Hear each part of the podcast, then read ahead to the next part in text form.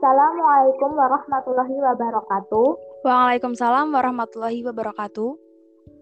Selamat datang di Menuju 4.0 bersama saya Putri Alanawati dari kelas 10 MIPA 3 dengan rekan saya Nisa Ulasana dari 10 MIPA 2 sebagai perwakilan moderator podcasting Sangga Perintis Satu Putri SMA Unggulan Aksa Foundation Sukoharjo. Seperti yang kita ketahui bahwa mayoritas industri di Indonesia masih menggunakan teknologi revolusi industri 1.0 sampai 3.0.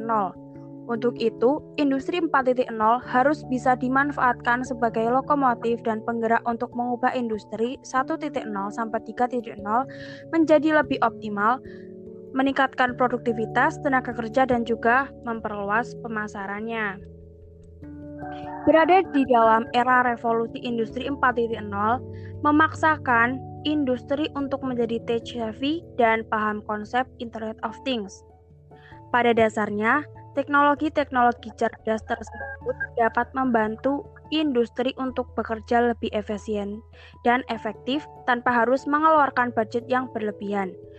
Berbeda ketika era terdahulu yang masih menggunakan tenaga kerja dan teknologi yang konvensional. Pengembangan teknologi digital terkini sangat diperlukan, apalagi untuk para pemuda-pemudi generasi bangsa. Ngomong-ngomong tentang pemuda-pemudi, beberapa hari yang lalu kan Indonesia baru memperingati Sumpah Pemuda. Nah, Sumpah Pemuda itu apa sih? Nah, Sumpah Pemuda itu sendiri adalah sebuah peristiwa yang terjadi pada tanggal 28 Oktober 1928, tepatnya pada Kongres Pemuda II Nah, pada Kongres Pemuda II ini menghasilkan sebuah naskah atau sumpah yang diikarkan para pemuda dari seluruh Indonesia yang disusun oleh Muhammad Yamin dan berbunyi seperti ini. Satu, kami putra-putri Indonesia mengaku bersumpah darah satu tanah air Indonesia. Dua, kami putra-putri Indonesia mengaku berbangsa yang satu, bangsa Indonesia.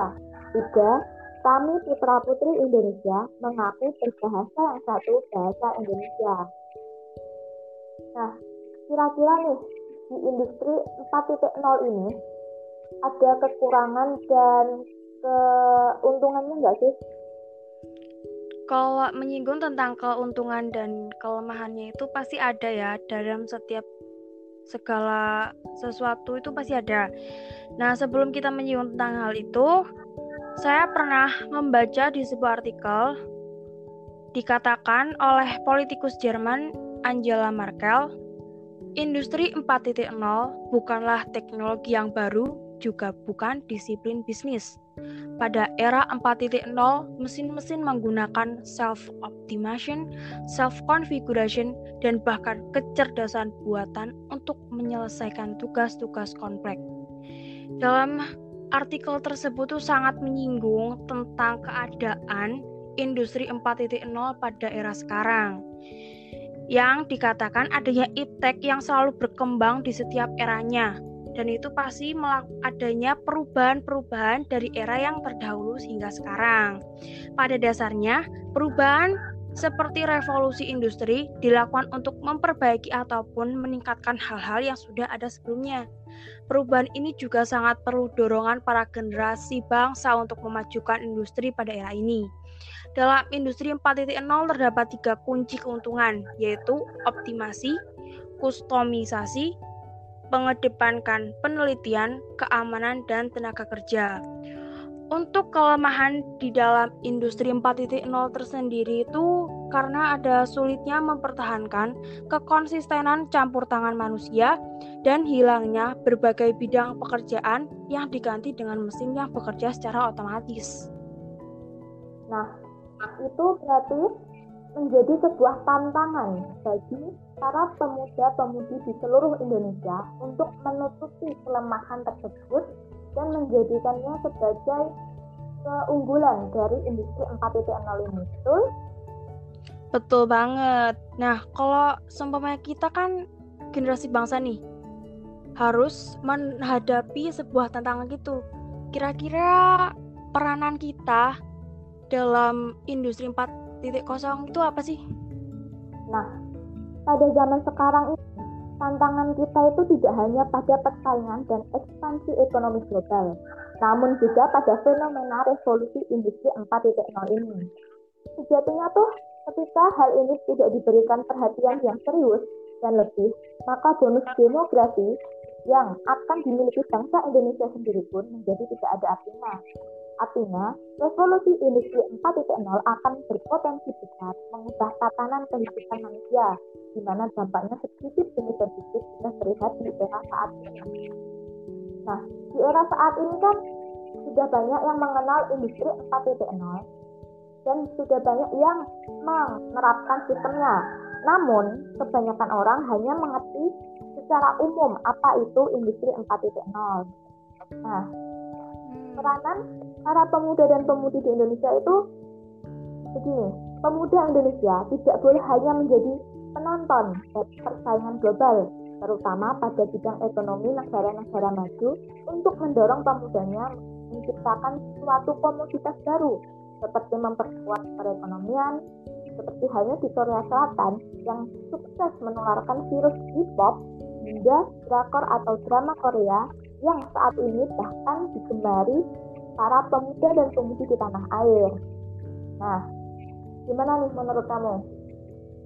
Kalau menurut aku sih ya, peranan pemuda-pemudi pada era industri 4.0 mereka harus mampu berinovasi dan membuat perbedaan agar industri di Indonesia mampu bersaing secara global.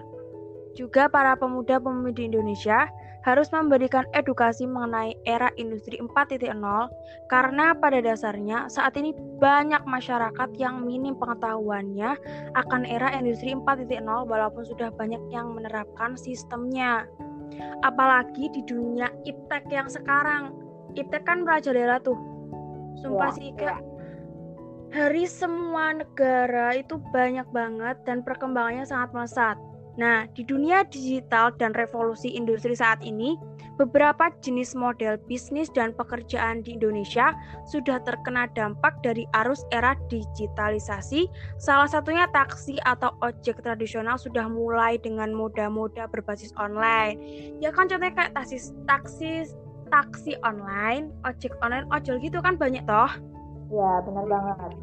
Nah, oleh karena itu, tantangan untuk para pemuda-pemudi sebagai generasi penerus untuk mengatur strategi menghadapi era digital harus komitmen peningkatan investasi, learn by doing, peningkatan digital skill bagi era digital di masa depan, dan menyusun kurikulum pendidikan yang telah memasukkan materi terkait HUMAM, digital skills, ancaman masa depan yang secara nyata telah atau sedang dan akan dihadapi ancaman teroris dan deradikalisasi, Rohingya, ancaman narkoba, dan krisis ekonomi. Itu sungguh benar-benar jadi tantangan untuk kita untuk mengembangkan dan mencari strategi yang lebih maju bagaimana caranya untuk menutup dari kelemahan industri 4.0 tersendiri. Nah, benar kan? Setuju banget. Kan revolusi ini merupakan perubahan yang radikal. Radikal artinya yang besar atau secara tiba-tiba. Jadi, revolusi merupakan suatu perubahan yang sangat besar dan berlangsung tiba-tiba. Nah, di era revolusi ini tentunya kita harus bisa bersaing secara sehat dengan cara yaitu membuat peta atau strategi di dalam hidup. Jangan biarkan terombang ambing di atas lautan seperti sampah. Jadilah seseorang yang seperti kapal terus berjalan di atas laut dengan arah dan tujuan. Nah, manusia atau pemuda-pemudi di Indonesia ini merupakan objek dari perubahan revolusi yang sangat besar ini, di mana manusia memiliki kelebihan dan kekurangannya masing-masing. Dan juga para pemuda-pemudi di Indonesia pasti memiliki beberapa sifat yang sudah dibawa sejak lahir, yaitu seperti komunikatif, interaksi sosial, bertahan hidup dari zaman purba, juga bisa hidup mandiri, revolusi komunikatif, dan juga interaksi sosial. Nah, dengan semua sifat yang dibawa sejak lahir, tentunya para pemuda dan pemudi dari seluruh Indonesia harus bisa menggunakannya dengan maksimal. Dan kita juga sudah tahu dan mempelajari saat itu, dulu para pemuda dan pemudi tokoh sumpah pemuda telah mengorbankan waktu, tenaga, harta, pikiran, bahkan jiwanya untuk menyatukan bangsa Indonesia. Betul? Ayo para pemuda itu bla bla bla. Terus aku nambahin dikit, terus langsung penutup gitu aja. Oh ya wes, se se 30 ya. Oke. Nah, setuju banget. Ayo para pemuda-pemudi Indonesia, jangan mau kalah dong. Tanpa adanya pengorbanan para pemuda ketika itu, mungkin saja Indonesia saat ini tidak bisa mencapai persatuan pengelolaan penjajahan. Nah, para pemuda dan pemudi Indonesia saat ini adalah uh, sebuah tempat dan momen yang tepat untuk meneruskan para perjuangan para pemuda-pemudi terdahulu. Nah, kita sebagai para pemuda-pemudi mempunyai tanggung jawab di dalam perkembangan negara. Kita harus buktikan meski kita berada di generasi milenial, kita bisa mem membawa generasi itu naik maju dari negara lain. Times up. Kayaknya waktunya udah selesai nih. Oke, cukup di sini dari kami, moderator amatiran. Jika ada kata-kata kurang berkenan di hati pendengar podcasting kali ini, mohon maaf yang sebesar-besarnya. Wassalamualaikum warahmatullahi wabarakatuh. Waalaikumsalam warahmatullahi wabarakatuh.